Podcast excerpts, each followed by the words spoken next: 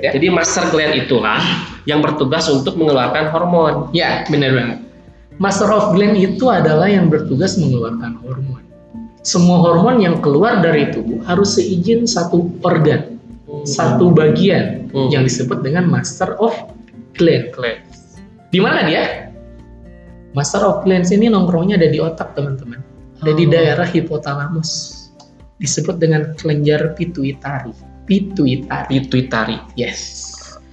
Sedikit apa ya? Segede segede kelereng sebenarnya adanya di daerah otak itu sebenarnya yang mengatur seluruh hormon yang ada di tubuh kita. Contoh ya, kalian deg-degan itu gara-gara hormon adrenalin itu diatur sama otak. Wah, takut nih, mantan nembak balik nih. ya terima jangan nih kan bingung. Aduh, eh, IG mantan ke like. Lagi scroll kan tuh Pak Fahmi, eh, Umi. Aman mi aman. aman aman ya terus perempuan mens itu diatur sama otak Hmm. sama, Sama. hormon Ya, oke.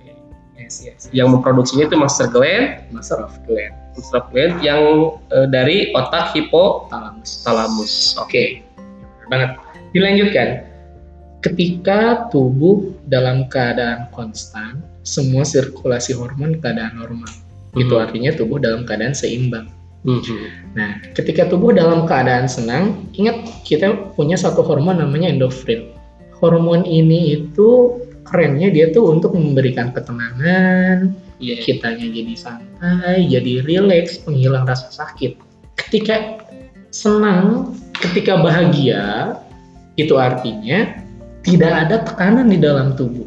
Mhm, Dan itu bagus buat tubuh. Itu bagus untuk tubuh. Kalau hubungannya dengan penciptaan imun atau daya tahan tubuh, Nah, kerennya seperti ini. Kalau tubuh dalam keadaan stres, banyak pikiran, mhm, itu artinya hormon endorfinnya tidak ada, malah yang muncul hormon adrenalin, itu kita akan deg-degan, Iya, bawaannya was-was. iya betul. Semua semua bagian tubuh akan tergiringkan ke dalam khawatir, Panik. panik. Tidak ada yang namanya rasa tenang, rasa rasa aman itu tidak ada. Iya, iya. ketika untuk mem- untuk membentuk satu apa ya untuk untuk menenangkan tubuh ya jelas harus mengeluarkan dulu hormon endorfinnya Iya. endorfin ini harus dirangsang dengan Iya. satu itu bisa ketawa Iya, tapi jangan ketawa sendiri sih Ah, olahraga itu bisa kerangsang Ya. nah, setelah semua aman metabolisme aman membuat hormon pun akan jadi aman Nah, selanjutnya dia akan membuat apa? Ketika semua metabolisme berjalan aman, tubuh atau proses pembentukan imun pun akan sebagus, Pak. Hmm. Karena pembelahan sel semuanya membutuhkan cadangan makanan, Ya. sitoplasma yang baik, Iya. cairan yang baik, pokoknya semuanya yang baik. Oh, kayak gitu. Kalau metabolisme tubuhnya Normal. normal Yes. dan yang membuat metabolisme tubuh itu normal itu salah satunya endorphin. ya, hormon endorfin. Yes. Tapi kalau misal kalau gitu apakah mungkin kita harus terlalu apakah butuh hormon itu lebih banyak lagi supaya metabolisme bagus? Eh, sebenarnya tubuh kita itu bekerja dalam keadaan seimbang, Pak. Mhm. Semuanya harus seimbang. Iya. ketika terlalu bahagia apa bedanya dengan kita yang ngedrugs sebenarnya Oh, ngefly gitu ya. Wah, itu bahaya juga ya Oh iya benar ketika benar. kita terlalu stres gimana kalau tekanan darah ke otak lebih banyak udah gitu pecah pembuluh darah Eh, stroke Iya betul. Lebih horor. jadi memang semuanya ada dalam kadar seimbang Iya betul.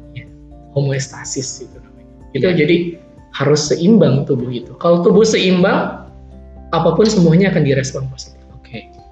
Oke gitu ya. Terus kalau gitu apakah hormon adrenalin tidak di- tidak dibutuhkan untuk eh, apa pertumbuhan imun? Oke, hormon adrenalin sebenarnya tidak terlalu dibutuhkan di sini untuk untuk membentuk imun. Karena pembentukan imun sendiri pertama itu melalui proses namanya trans eh, translasi dan transkripsi. Itu adalah proses replikasi yang terjadi di dalam sel. Selanjutnya sel sendiri tersebut akan me- apa ya kalau saya bilang sih akan membentuk satu pesanan Ya. sesuai kebutuhan nah ya. dan itu eh, hanya cukup proses metabolisme saja. Oh gitu. Yes. Jadi kita butuh hormon eh, endorfin tapi tidak terlalu berlebihan. Tidak terlalu berlebihan. Oke. Nah sekarang yang terakhir nih om, Ya. bagaimana sih cara agar si hormon endorfin itu eh, kita eh, punya, kita dapat gitu, tapi juga tidak berlebihan. Oke oke oke. Artinya eh, tentu kan kalau panik nggak mungkin muncul endorfin ya Yes. kan ada Adrenalin. adrenalin. Hmm. Nah kira-kira bagaimana supaya asupan ataupun eh, yang dikasih ke otak hipotalamus itu mengeluarkan hormon endorfin yang baik. Oke oke. Tentu jelas otak kita merupakan sebuah server yang sangat keren ya Pak ya. Nah, Hmm. server ini tuh jelas datang gara-gara banyak informasi yang masuk. Untuk membentuk satu tubuh yang seimbang, untuk metabolisme seimbang, dibutuhkan informasi-informasi yang bagus ke dalam tubuh. Ya. Salah satunya adalah ketika Bapak Ibu atau teman-teman semuanya sering melihat berita kematian, Ya. sering melihat kasus COVID yang semakin tinggi, cobalah melihat dari sudut lain. Hmm. Ih, penyembuhannya banyak ya. Betul. Jadi jangan jangan ditutup informasi itu sebetulnya ya. Jangan, jangan ditutup. Kita harus open minded. Ketika Open-minded. kita berbicara COVID-19, negatifnya masuk, positifnya juga masuk. Eh, makanya kata Om itu kita lihat dari cara pandang yang lain. Yes, sudut pandang yang lain itu. Setelah itu apa yang terjadi? Eh, kita akan mengalami menamakan apa? Satu keseimbangan di dalam tubuh, satu keseimbangan. Oh, ternyata ini ada positif negatifnya. Iya. Nah, setelah itu keluar, rasa itu keluar, eh, tubuh kita akan merasa tenang sendiri. Mhm. Sa- ketika tenang, otomatis itu akan mengeluarkan salah satunya endorfin itu untuk penenang kan. Iya betul betul. Nah. betul. Atau kalau yang susah cari informasi, coba deh dengan olahraga. Hmm. Secara mekanisme biologi di dalam olahraga itu akan timbul rasa sakit. Mhm. Nah, dan rasa sakit itu otomatis akan diobati oleh endorfin oleh otak. Oh, jadi memicu endorfinnya Keluar. keluar. Yes, Oh, benar iya. banget. Walaupun ketika olahraga kita deg-degan, Ya, adrenalin muncul nggak? adrenalin pasti muncul, Muncul, tapi mengundang juga. tapi mengundang endorfin. Oke. Atau yang punya teman, mama atau saudara atau mungkin yang lagi LDRan, telepon lah biar ketawa, bener gak sih? nah, biar ketawa karena ketawa salah satu eh, apa ya? Salah satu impuls untuk mengeluarkan endorfin juga, Pak. Iya. Nah, setelah semuanya aman, maksudnya dalam keadaan seimbang, tubuh rileks, ya sudah, kalaupun COVID mau masuk, eh sorry, kalaupun SARS mau masuk, SARS-CoV-2 ini mau masuk, ya silahkan masuk. Tapi kita udah punya benteng. Kita udah terkuat. terkuat. Sekalipun kalian demam, ya sudah tahan aja. Hmm. Namanya juga itu proses tubuh. Hmm. Tinggal milih sih sekarang, mau kuat sekarang gara-gara tubuh bikin apa imun untuk COVID, Ya. atau kita agak lemah dari orang lain yang sudah terkena gitu sih. Oke. Nggak tahu tuh tantangan tuh. Oke, benar benar benar benar. Tapi Om bukan berarti ki- kita nantangin juga enggak? Oh enggak, berarti nantangin. Kita tetap harus sesuai dengan aturan yang ada. Iya. Social distancing, terus juga eh, asupan yang bergizi, jangan pergi ke mana-mana. Gitu. Jadi stay at home. Jadi bukan berarti nantangin. But if there's something happen to us, it's okay. We have our great body. I think. Yes, yes, yes. Saya jadi ingat ingat satu Ingat satu apa nih? satu ayat ya Om. Apa nih? Dua ayat kayaknya nih. Boleh tiga deh. Ternyata perbincangan kita itu dan apa yang Om jelasin itu cocok banget dengan apa yang Allah sampaikan Hmm. di dalam surat Al-Hadid. Al-Hadid. Ya, surat Al-Hadid itu surat ke-57. Hmm. Di surat Al-Hadid ayat ke-2223. Apa itu isinya, Nah, saya bacakan ya. Boleh, boleh, boleh. A'udzubillahiminasyaitonirrajim. Ma asoba min musibatin fil ardi wala fi anfusikum illa fi kitabim min qabli an. Jadi kurang lebih artinya begini. Jadi tidak ada satu bencana yang menimpa di bumi ya. Dan tidak pula bencana yang menimpa kepada dirimu sendiri kecuali telah dituliskan di dalam kitab Lauhul Mahfud. Jadi termasuk si SARS-CoV-2 ini Ya. Penyakitnya yang COVID-19 itu memang sudah ditetapkan kata Allah di Lauhul Mahfud. Di tidak ada satu bencana yang tidak ditetapkan Ditetapkan. dulu. Jadi sudah di- direncanakan oleh Allah. Iya.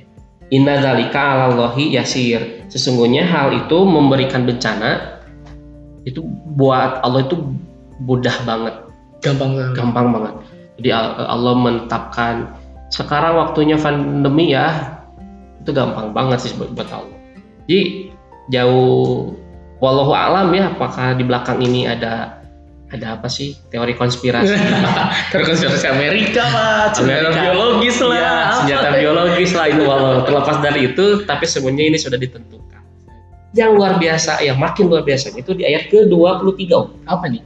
23 ini Allah bilang di kaila tak sau alama fataku wala tafrahu bima atakum nah semua itu Allah mudahkan. Ada bencana itu dijadikan mudah buat Allah untuk ditimpakan ke kita eh, supaya kamu jangan berduka cita terhadap apa yang hilang dari kamu. Dan supaya kamu jangan terlalu gembira terhadap apa yang diberikan Allah kepadamu. Terlalu memang nggak boleh. nggak boleh ternyata memang. Terlalu sayang? nggak boleh. Terlalu benci? Nggak boleh. Terlalu benci nanti jadi saya Eh. ternyata dari ayat 2223 Allah itu kan bikin bencana dan itu sangat mudah bagi Allah tapi tujuannya supaya kalian jangan terlalu sedih Jangan terlalu jangan bahagia. terlalu bahagia. bahagia juga jadi memang harus ada di tengah-tengah seimbang gitu Tetap ya seimbang. ya, tetap semua. seimbang. Perasaan kita, emosi kita tetap seimbang. Kenapa? Agar Allah itu pengen kita bisa melalui bencana yang telah ditetapkan ini. Sesuai ya berarti ya. Homoestasis emang horor. Memang. Jadi memang ketika menghadapi virus eh, ini SARS-CoV-2 ini, kita juga tidak perlu untuk panik ya, Jangan overthinking. overthinking, Nggak usah terlalu panik lah ya. gitu. Tapi juga eh, Jangan terlalu santai juga terlalu nih. santai. Nah, Jadi tengah-tengah aja. Kalau bahasa Qurannya sih jangan terlalu bahagia, juga jangan terlalu sedih. Kalau kalau misalkan aspek sosial ya, Om, Mhm. karena eh, realita masyarakat sosial kita itu macam-macam, Ya. latar belakangnya, pendapatan secara ekonomi dan lain-lain. Yes. Kadang kita suka sedih, pendapatan kita kecil, Yes. ya. Orang lain banyak, kita kecil, kita masih kekurangan, kita sedih. Kata Allah, eh tenang, kamu jangan sedih. Nanti akan ada bencana tuh, orang yang punya banyak uang itu ntar juga bakal kere. Kalau seimbangan ya. akan Allah seimbangkan. Ternyata memang sekarang gitu loh. Pas banget ya. Pas banget. Ah, Amerika. Sekarang Amerika kan melejit nomor satu. Betul, nomor satu. ya. Eropa. Oh iya, negara-negara Eropa yang duitnya tebel-tebel kena juga ya. Juga. Nah, Iya, pengusaha-pengusaha eh, atau bos-bos besar di Indonesia sekarang lagi kolaps ya. kolaps juga. Oh iya, ekonominya ketendang juga. ketendang juga. Jadi buat kita nih para teman-teman Miss Queen Enggak enggak. Kayak saya. Gitu, kayak saya. Papa mie aja saya enggak. mungkin Allah itu bakal bilang gini tenang Mi tenang ntar juga yang mereka banyak itu bakal sama kayak kamu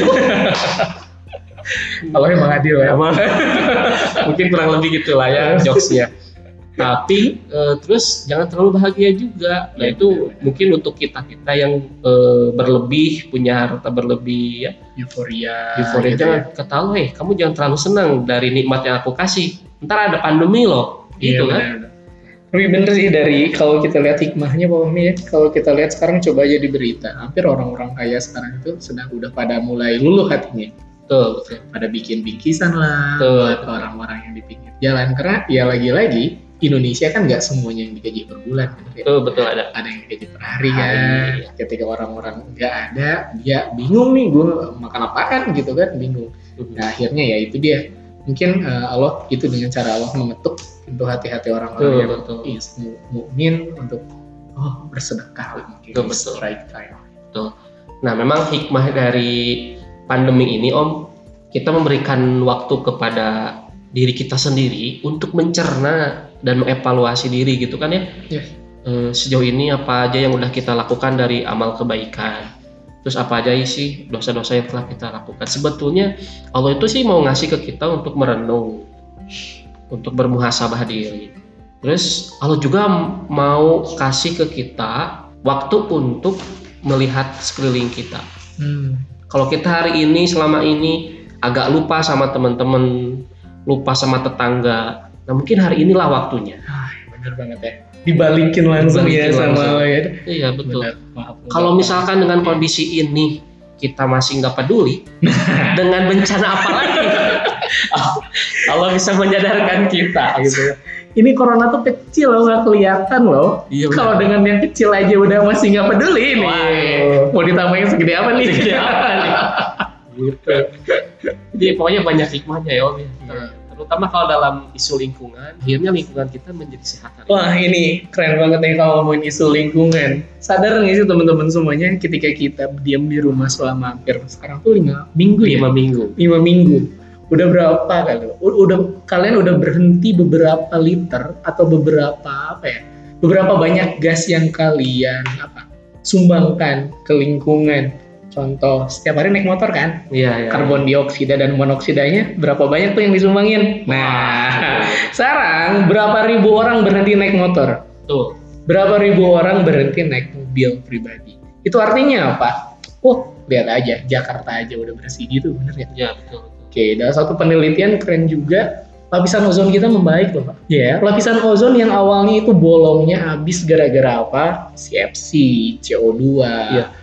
Itu hasil apa ya? Hasil manusia lagi. Iya, Siapa betul. lagi yang bikin kayak gitu? Iya. Sekarang membaik semua. Semuanya membaik. Yes, ozon lebih baik. Trennya apa? Ketika ozon membaik, ultraviolet masuk bumi itu lebih sedikit. Ya, Kalau ultraviolet ke bumi lebih sedikit, potensi kanker dan mutasi di dalam bumi akan berkurang. wah, Kebayang nggak sih kalau nggak ada corona?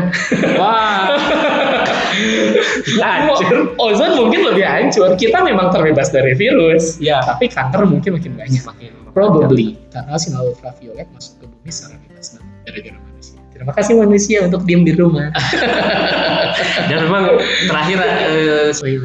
Jadi memang hikmah terbesarnya adalah Allah memberikan waktu ke kita, terutama kepada bumi untuk bernapas lagi. Ya itu dia benar. Mungkin manusia nggak bisa nih. Udah isu lingkungan, udah dibikin undang-undang Udah Indonesia.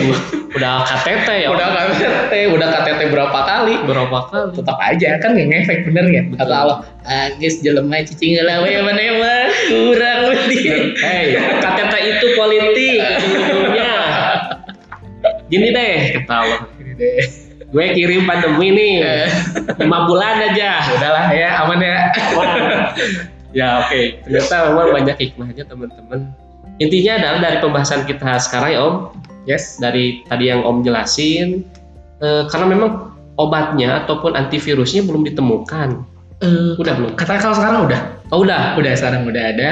Tapi memang untuk distribusi eh, antivirusnya sih kalau menurut saya lebih baik bikin sendiri. Lebih baik kita punya sendiri.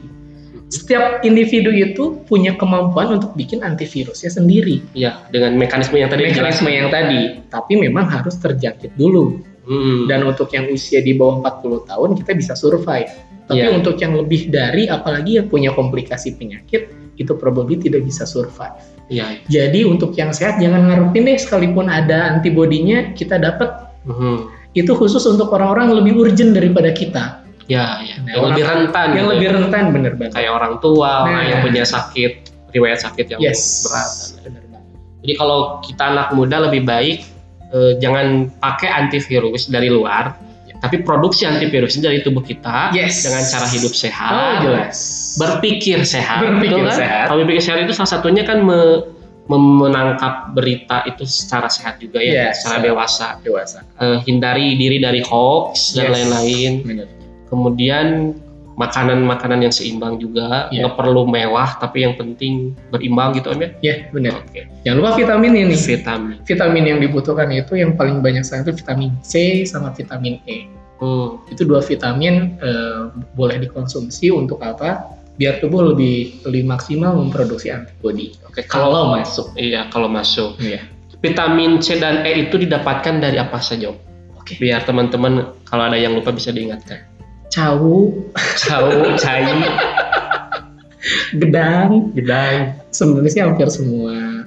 Nah, memang yang paling base itu yang vitamin C dan vitamin C ini hampir ada di semua buah, buah, Ya. buah-buahan. hampir ada di semua buah, apalagi jeruk tuh. Hmm. Nah, kalau nggak ada ya buah apa pun lah, hampir ada di semuanya. Memang ya itu aja konsumsi. Mahal apel, ah cau we nu murah. Oke. Mahal ah gedang we. Gedang, gedang. Muntah ya, kersan we teh cabut di bumi. Atau milari balong pas Aduh. aya. Sok aya di sisi balong angkel Ersan. Saya kersan dah. Iya benar. Oke, baik. Terima kasih Om Farhan, teman-teman. Kita hari ini dapat eh, insight-insight yang positif di tengah-tengah pandemi yang kita rasakan. Nah, mudah-mudahan kita semua dibebaskan oleh Allah Subhanahu wa taala dari berbagai macam penyakit. Keluarga kita juga sehat-sehat. Ya, syaratnya tadi yang seperti eh, dibahas tadi barusan eh, jaga kondisi tubuh, tetap bahagia gitu ya, tetap Yes. seimbang Benar. Jangan terlalu berlebihan dalam hal apa pun karena kata Allah juga dalam surat Al-Hadid ayat 22 sampai 23 juga Allah itu gampang banget ngasih bencana. Tujuannya itu adalah supaya kalian atau kita itu hidup seimbang. Tidak terlalu bersedih hati atas kehilangan kita. Hmm. juga tidak terlalu eh, bergembira atas apa yang kita miliki atau kita dapatkan. Oke. dan yang paling penting adalah hari ini adalah waktunya kita untuk berbagi. Kalau bukan sekarang kapan lagi betul nggak ya? Yes, benar banget. Nah, benar. Inilah hikmah terbesar bagaimana kita sebagai manusia menunjukkan kohesivitas sosial sebagai seorang manusia. Nggak perlu kita tanya, e, jangan dulu deh tetangga gitu agamanya apa ya? Waduh, kayak ya. gini masih ngomongin gitu. jangan nggak perlu ya. Jadi siapa pun kita perlu bantu sebagai satu ikatan keluarga besar, sebagai keluarga besar anak Adam manusia. Oke baik, itu saja kayaknya yang bisa kita bahas. Terima kasih kepada Om Farhan Oke. udah udah hadir di saluran Ibra Podcast. Oke, Terima kasih, eh, sama-sama. Terima kasih juga buat eh, Ustadz Fahmi ya yang udah menyediakan Ibra Podcast ini. Buat teman-teman yang sudah mendengarkan informasi, ingat nggak boleh puas loh teman-teman. Ya, Siapa tahu yang kita bilang hoax. Wah, tejang naon. Sejak naon teh. Oke teman-teman, eh, Silakan akses eh, eh, news-news yang terrekomendasi ya. Langsung Hmm. akses kalau yang bisa Inggrisnya keren langsung dari WHO aja. Kalau Iya. enggak bisa cari di jurnal-jurnal atau di artikel yang lebih terpercaya tentang COVID-19. Oke. Oke, oke. Terima kasih Pak Fahmi. Sama-sama. Oke, baik teman-teman, itu saja sepertinya yang bisa kita share kali ini. Mudah-mudahan semuanya sehat-sehat sehingga kita bisa ketemu di episode yang akan datang. Tetap sehat dan selamat bertumbuh. Ibra Podcast Growing Inside. Assalamualaikum warahmatullahi wabarakatuh. Waalaikumsalam.